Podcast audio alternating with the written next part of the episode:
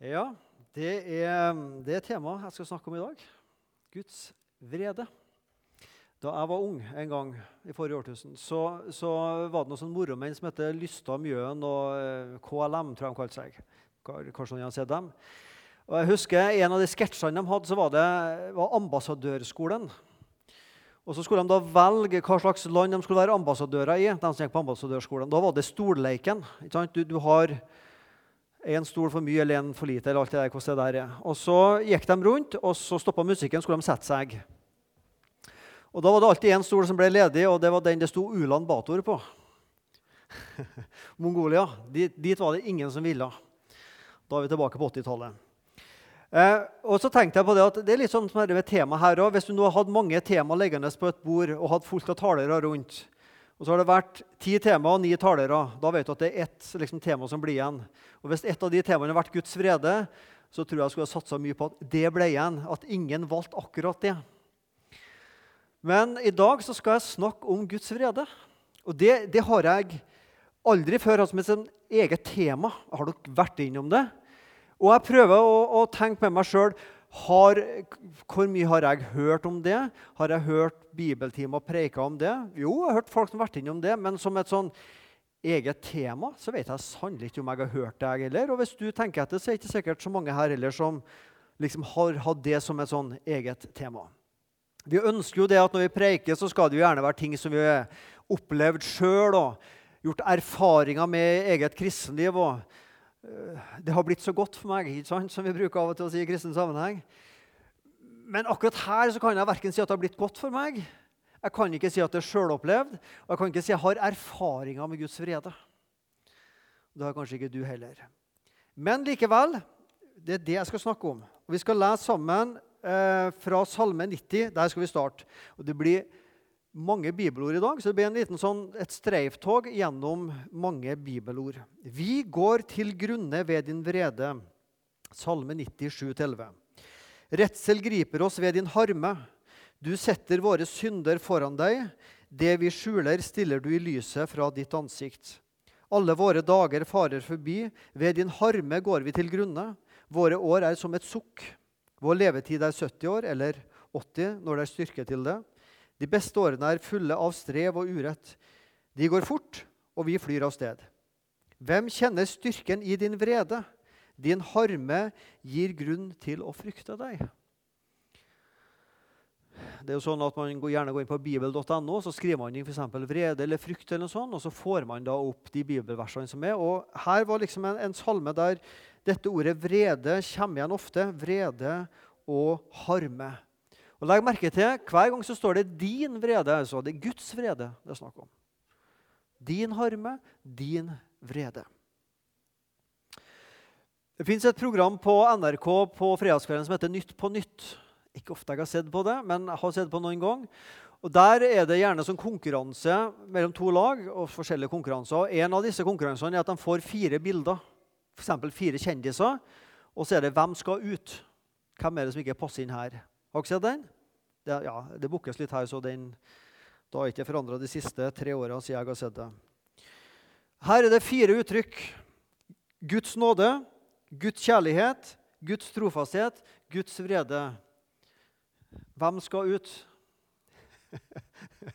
Den syns du var lett, tenker jeg. Hæ? Guds nåde, kjærlighet og trofasthet og Guds vrede. Det er jo enkelt hvem som skal ut. Men svaret er ingen skal ut. Det er svaret. Det er ingen av de fire der som skal ut. For alle fire begreper er bibelske. Så det var et litt sånn lurespørsmål. ikke sant? Guds vrede skal ikke ut.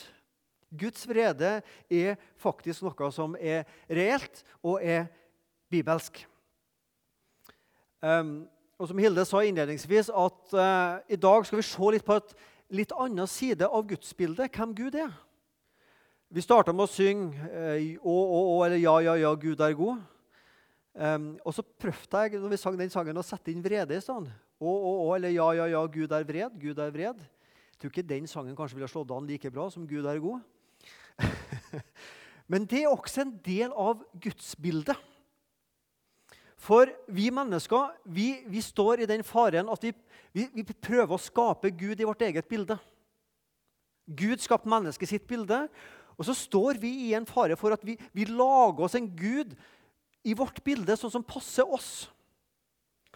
Og så kan det hende at dette bildet av den snille, milde, rause, inkluderende, aksepterende, alltid kjærlige Gud som alltid står med en åpen favn, at det blir det eneste gudsbildet.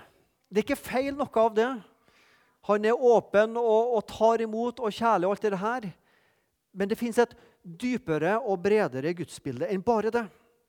Så kan vi spørre oss har vi som kristne bevisst eller ubevisst utelatt noe av det bibelske bildet av Gud. Denne hellige Gud som er vred over syndens konsekvenser, og også er vred på synderen. Har vi utelatt det? Det er sånn retorisk spørsmål. liksom. Ja, vi har, vi har det. jo, jeg tror vi trenger å bevisstgjøre oss på et litt større gudsbilde enn bare si at Gud er god. Gud er mer enn bare god. Gud er kjærlig og samtidig hellig. Sånn at Guds vrede det er ikke en egenskap med Gud. Hellig er en egenskap med Gud. Men en konsekvens av at Gud er hellig, er at Gud også er vred, sint. Vrede. Det fins forskjellige begrep. Vi kan si at vi er frustrert. Vi kan si at vi er irritert. Vi kan si at vi er sint. Og vi kan si at vi er vred. Kanskje ikke så ofte vi bruker ordet vred. Men, det er jo en sånn skala. ikke sant? Hvis, hvis, du tar bussen til jobb eller til skole, og den er tre minutter forsinka, og du kommer til meg og forteller at bussen i dag var tre minutter forsinka jeg, jeg var så vred da ville jeg begynt å lure. Men hvis du sa jeg var litt frustrert, så ville jeg skjønt det. Eller hvis uh, ungen din uh, tok uh, skolebussen og ble uh, banka opp og mobba på skolebussen Hvis du da kom og sa jeg er bare litt frustrert og irritert, da ville jeg også lurt. Da ville jeg skjønt hvis du sa nå er jeg virkelig sint, jeg er vred. Ikke sant? Det er en skala her fra å være litt irritert og frustrert til virkelig å være sint og vred. Da er du liksom på det sterkeste vrede. Jeg skal starte med noen bibelord. og som jeg sa, det blir en sånn, Du skal få mange bibelord i kveld. Så kan du gå inn på, etterpå på hjemmesida og høre talen igjen. og Du kan også finne en powerpoint der som du ser nå. og Der finner du bibelordene, sånn at du kan eventuelt bla dem opp igjen og lese dem. Jeg skal starte med oss mennesker. For Bibelen snakker også om at vi mennesker kan være vred. Blir dere sinte, så synd ikke og la ikke solen gå ned over deres vrede. I en gammel oversettelse står det, bli, der står det 'bli sint, men synd ikke'. Altså, Av og til er det lov å bli sint. Det er bare problemet det er ikke galt å bli sint. Problemet er at når vi blir sint, så synder vi så lett. For vi kan si noe og gjøre ting når vi er sint, som vi ellers ikke ville ha gjort. Og la ikke solen gå ned over deres vrede. Ja, den er ikke lett. Jeg skulle ønske jeg var kristen nord for polarsirkelen om sommeren. Da går ikke sola ned, så kanskje er det litt enklere der. Der går ikke solen ned over deres vrede. Men du, det, det, dette kjenner vi på. Vi kjenner på det i et ekteskap. Vi kjenner på det kanskje venner imellom, for alt jeg vet. ikke sant? La ikke solen gå ned over deres vrede. Galaterne 5, 19-20. Det er klart hva slags gjerninger som kommer fra kjøttet, fra vår onde natur. Og så kommer det en lang tirade, bl.a. vrede. Vreden kommer altså fra vår onde natur. Milde svar demper sinne, sårende ord vekker vrede. Ordspråkene 15.1. Ja, hvis et menneske er sint og irritert på deg, så foreslå å ta en kopp kaffe og snakke sammen. Det går ikke an å være sint på hverandre og spise sammen og, kopp, og, og, og ta en kopp kaffe sammen. Milde svar demper sinne, sårende ord vekker vrede. Vrede kan altså være noe positivt.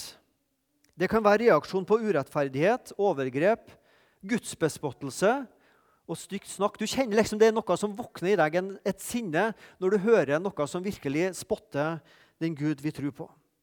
Jeg tror at det, faktisk, at det kun er sløve og likegyldige mennesker som aldri blir vred og sint. For i sinne så er det også en, en, en hellig vrede over noe som er gale. Men hvis du aldri kjenner på sinne over noe, så får du heller spørre deg om du er bare sløv og likegyldig. Men Guds vrede den starter når Gud kaster Adam og Eva ut av Edens hage. Da starter eller Om ikke Guds vrede starter da, så er det første gang vi leser om Guds vrede. Og Så står det om den i hele Bibelen. Og vreden den tar ingen ende. Vreden varer inn i evigheten. Så Guds vrede fins i hele Bibelen. Og så har jeg stilt meg spørsmålet når jeg har planlagt den andakten her og, skal snakke om det temaet. Hvorfor, hvorfor, skal vi snakke om Guds vrede til oss som er kristne, og som ikke skal rammes av Guds vrede på dommens dag? Vi skal jo bli frelst. Vi skal møte Guds nåde og frelse på dommens dag, og ikke Guds vrede. Hvorfor skal jeg da snakke om Guds vrede for oss som bekjenner Jesu navn? Ja, Det er jo et betimelig spørsmål. Jeg tror i hvert fall det finnes fire gode grunner til å snakke om Guds vrede. For det første, det er et uttrykk som ja, ikke ofte, men en del ganger brukes i Bibelen om Guds vrede. Og Vi skal lese noen av de gangene. Fordi Bibelen bruker det uttrykket Guds vrede, vel, så skal vi også snakke om Guds vrede. Leser du i Johannes' åpenbaring, eh, så vil du av og til der se at dette begrepet er brukt. Blant annet så står det i kapittel 15, 16, 17 rundt der om at Johannes får se uh, sju engler som kommer med sju gullskåler fylt med Guds vrede, som tømmes over jorda. Og så skjer det ille ting på jorda. Jeg er ingen ekspert på Johannes' åpenbaring og hva disse gullskålene og, og, og seilene og trompetene og alt det her betyr. Det er ikke akkurat der jeg er sterkest i Bibelen, for å si det sånn. Men jeg stiller meg likevel spørsmålet kan det hende at vi i vår levetid får oppleve noe av disse Guds vredeskåler som tømmes over jorda. Jeg har verken ja- eller nei-svar på det, men Johannes' åpenbaring snakker om at i de siste tider så skal Gud tømme sine vredeskåler utover jorda. Så det kan være aktuelt i vår levetid. For det tredje så tror jeg vi skal snakke om Guds vrede fordi at alle kristne står i fare for å falle fra. Vi er frelst, ja, men vi står i fare for å falle fra og møte en vred Gud og ingen nådig Gud på dommens dag.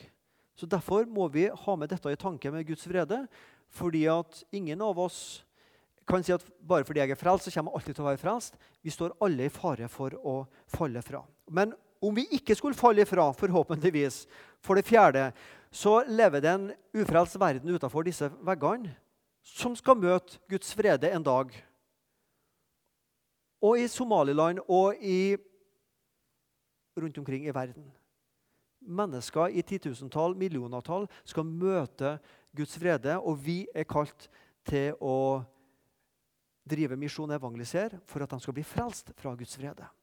Det er gode grunner nok i seg sjøl til å snakke om Guds vrede. Mennesket er under Guds vrede, og mennesket lever under Guds vrede.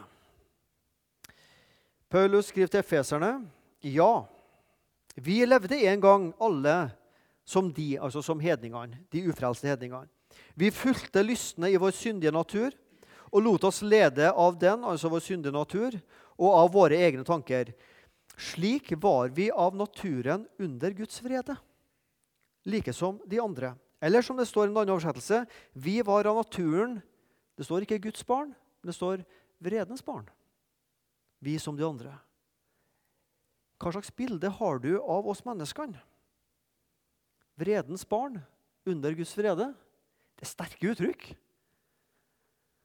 Jeg har ikke tort å snakke om de og bruke de uttrykkene der hvis ikke at det sto i Bibelen. Men slik du og jeg er av naturen, så er vi under Guds vrede. Vi er vredens barn. Altså, mennesket er under Guds vrede og lever under Guds vrede. Den som tror på Sønnen, har evig liv. Den som er ulydig mot Sønnen, skal ikke se livet, men Guds vrede er og blir over ham. Jeg har alltid innbilt meg at det står at Guds vrede skal bli over han. Men når jeg slo opp i den siste bibeloversettelsen, så står det at Guds vrede er og blir over han.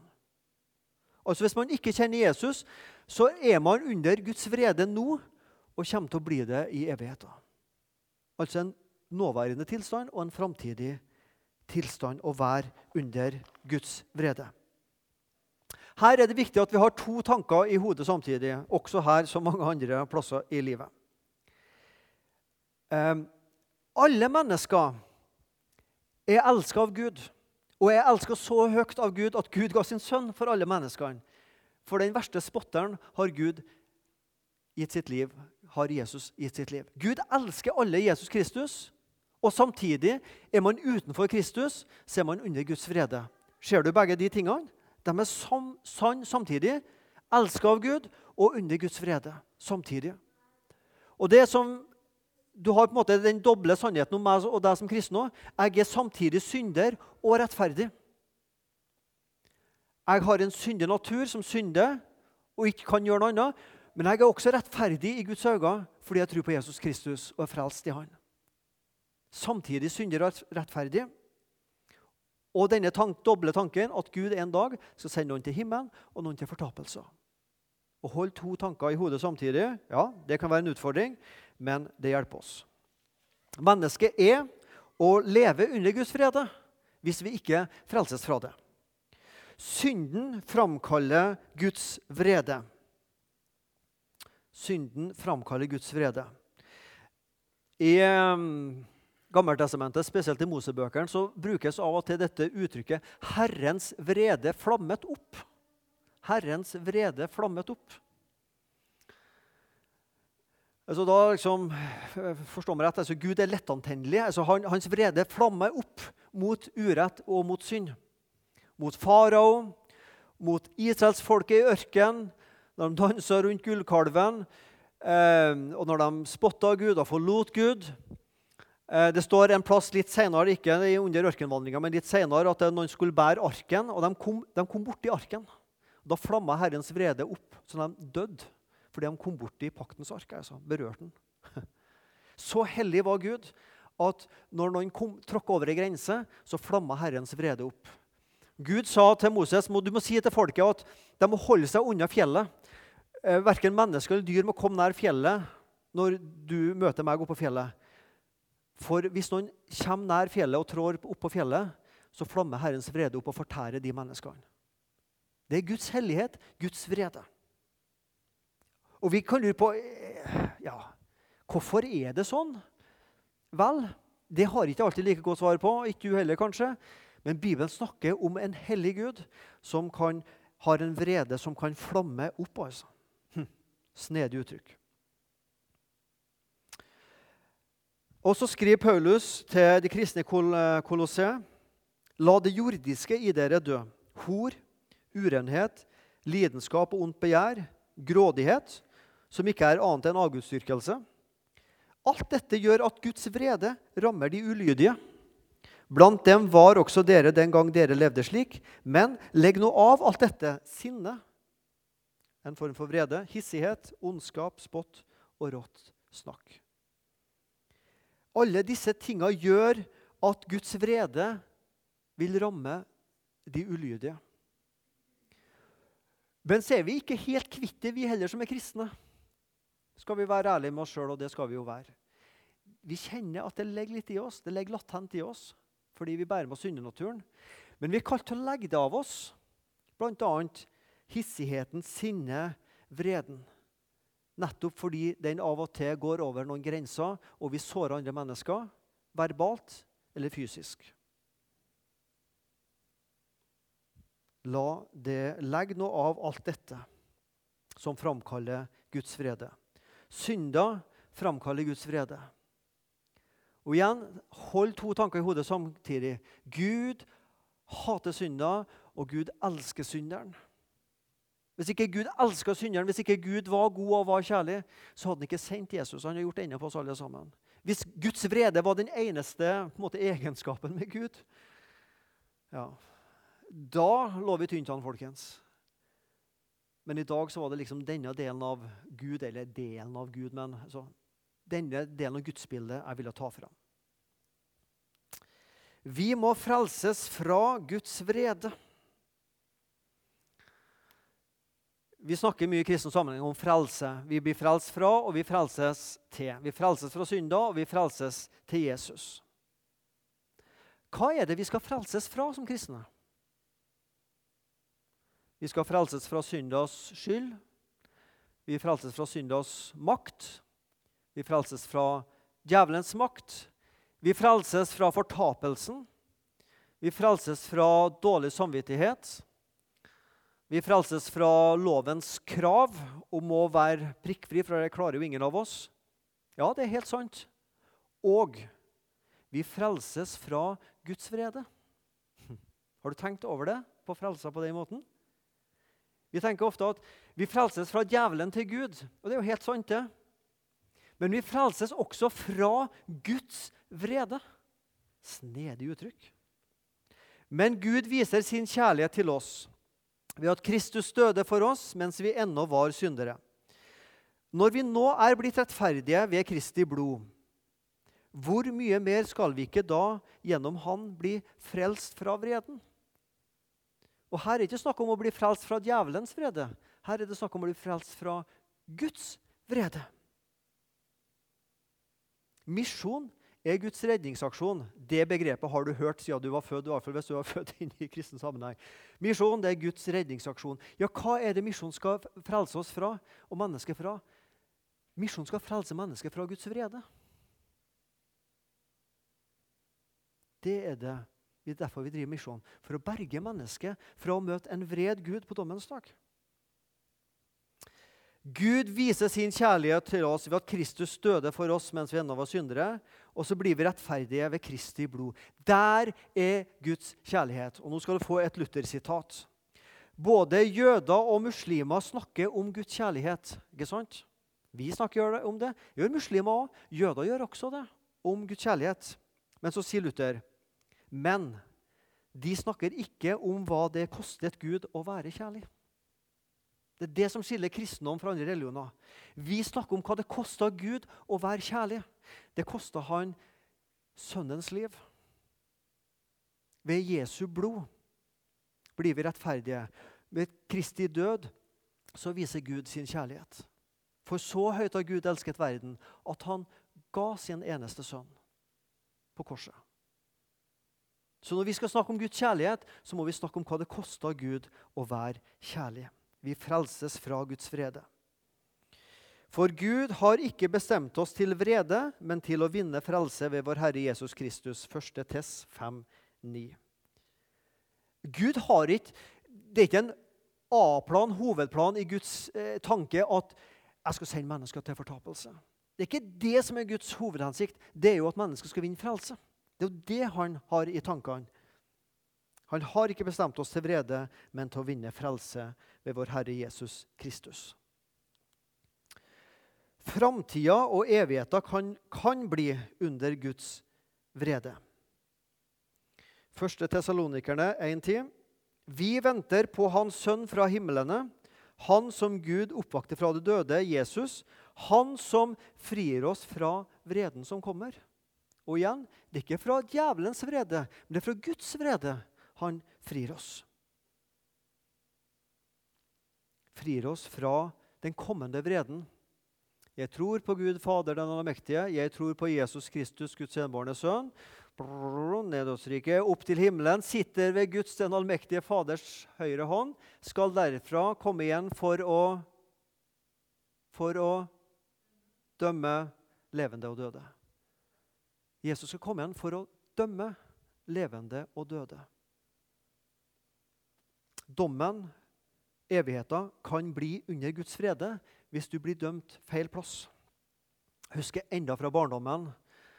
Jeg var barn på 70-tallet. Og den gangen, så, Om man iallfall ikke var bekjennende kristne, så sendte man stort sett ungene sine til søndagsskole. Og Jeg var en av dem som ikke kom fra en sånn veldig kristen familie. Eh, men man sendte iallfall ungene sine til søndagsskole til et bedehus. Gammelt bedehus. Jeg husker enda det bildet. altså. Jeg, sikkert nevnt det før her i misjonssalen, men det var for å bruke moderne uttrykk, det var Jesus på catwalken. Sånn, sånn. Jesus gikk der på catwalken med kappa si. og så På ene sida smila menneskene, og på andre sida var menneskene ikke sur, men var, var bleik og helt trist. Lille gutten skjønte ikke hva det var for noe. Men Jesus skal komme igjen, dømme ene eller andre sida, levende og døde, til himmelen eller til fortapelse. Guds nåde eller Guds vrede. Johannes' åpenbaring 11,18.: Hedningenfolkene ble harme, men nå er din vredesdag kommet. Nå er tiden da de døde skal dømmes. En dag så skal altså Guds vredesdag komme. Eh, du bruker, Vi møter ordet vrede i Bibelen. Vredesdag, vredesvin, Herrens vredesdag. Du har forskjellige uttrykk i forbindelse med vrede. Dette er en av dem. Guds vredesdag vil komme. Snedig. Enten eller evighet, enten himmel eller fortapelse, dommens dag, så vil du enten møte Guds nåde, eller du vil møte Guds vrede.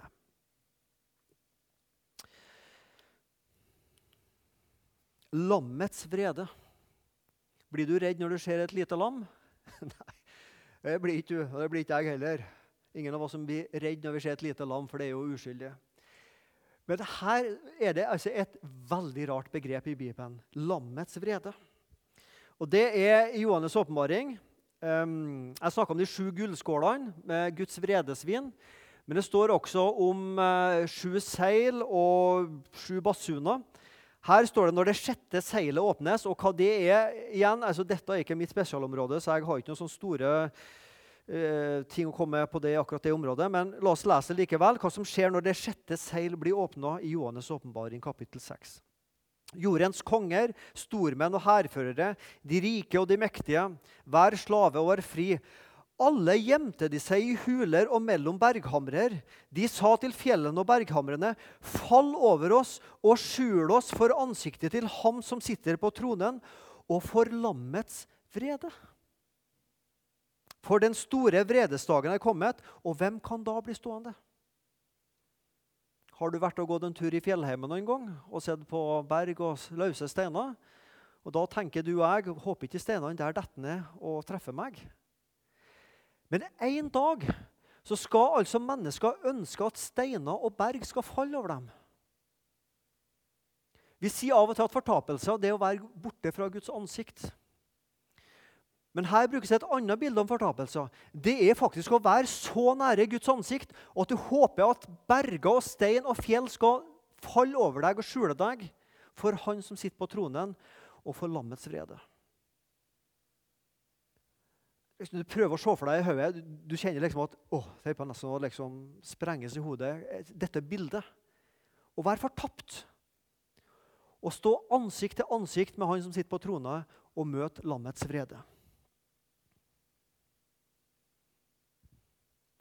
Hvis jeg har sagt amen og gått og sagt meg, satt meg, og vi har avslutta møtet, så tror jeg ingen har gått ut og sagt dette var et godt møte. Jeg ble så velsigna, ble så oppbygd. Å, det var så godt å være i misjonssalen i kveld. Nei. Og poenget er jo ikke for meg å liksom trykke folk ned her med vreden. Men det er en del av det bibelske materialet som vi ikke liksom skal bare gjemme unna. Ja. Det er en del av gudsbildet. Lammets vrede og lammets frelse. Den beste vinen til slutt. Det er også et bibelsk begrep. Og jeg så et lam som sto midt for tronen mellom de fire skapningene og i kretsen av de eldste. Og det så ut som lammet var slaktet. For du ble slaktet, og med ditt blod har du frikjøpt for Gud mennesker av alle stammer og tungemål, av alle folk og nasjoner. Verdig er lammet som ble slaktet, verdig til å få all makt og rikdom, visdom, styrke, ære og pris og takk. Lammets vrede. Ja, noen skal møte det, og jeg håper for alt i verden at jeg sjøl og du ikke skal møte lammets vrede på dommens dag. Men at vi skal møte det slakta lammet og lammets frelse. Og stå rundt tronen og ære og prise lammet og ikke frykte for lammets vrede. Hvem er en Gud som du, en som tar bort skyld og tilgir synd, for den resten han eier. Han holder ikke evig fast ved vreden, for han vil gjerne vise miskunn. Det ordet tenkte jeg det må ha med helt til slutt. Det er ikke vreden som er Guds A-plan. Det er ikke vreden som står i Guds hode dag og natt.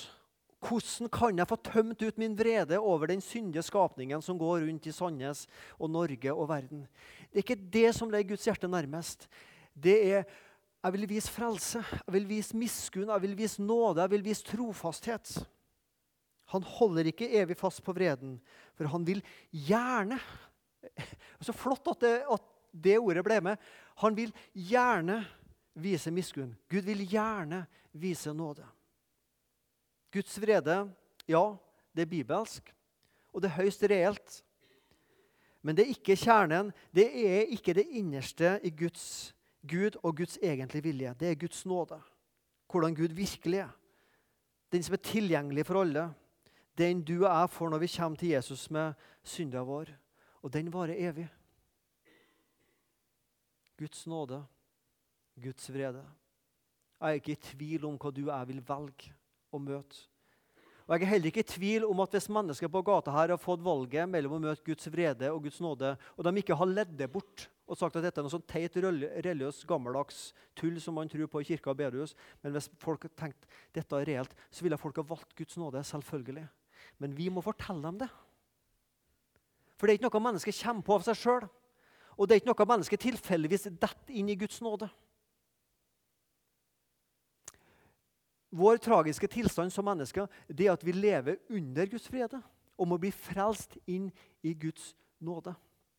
Vi lever, ikke, eh, vi lever ikke uten videre i Guds nåde. Den må vi frelses inn i. Men Gud vil veldig gjerne tilgi. Gud vil gjerne tilgi. Det er det som ligger han på hjertet. Herre Jesus Kristus, takk for din nåde. Vi takker deg ikke for din vrede, men vi frykter din vrede, Jesus, for den er reell, og den er bibelsk. Men vi takker deg, Jesus, for at du frelste oss fra Guds vrede ved ditt blod. Takk for du er en kjærlig Gud, og takk for at det det kosta deg, Gud, å være kjærlig, det frelser oss fra din vrede.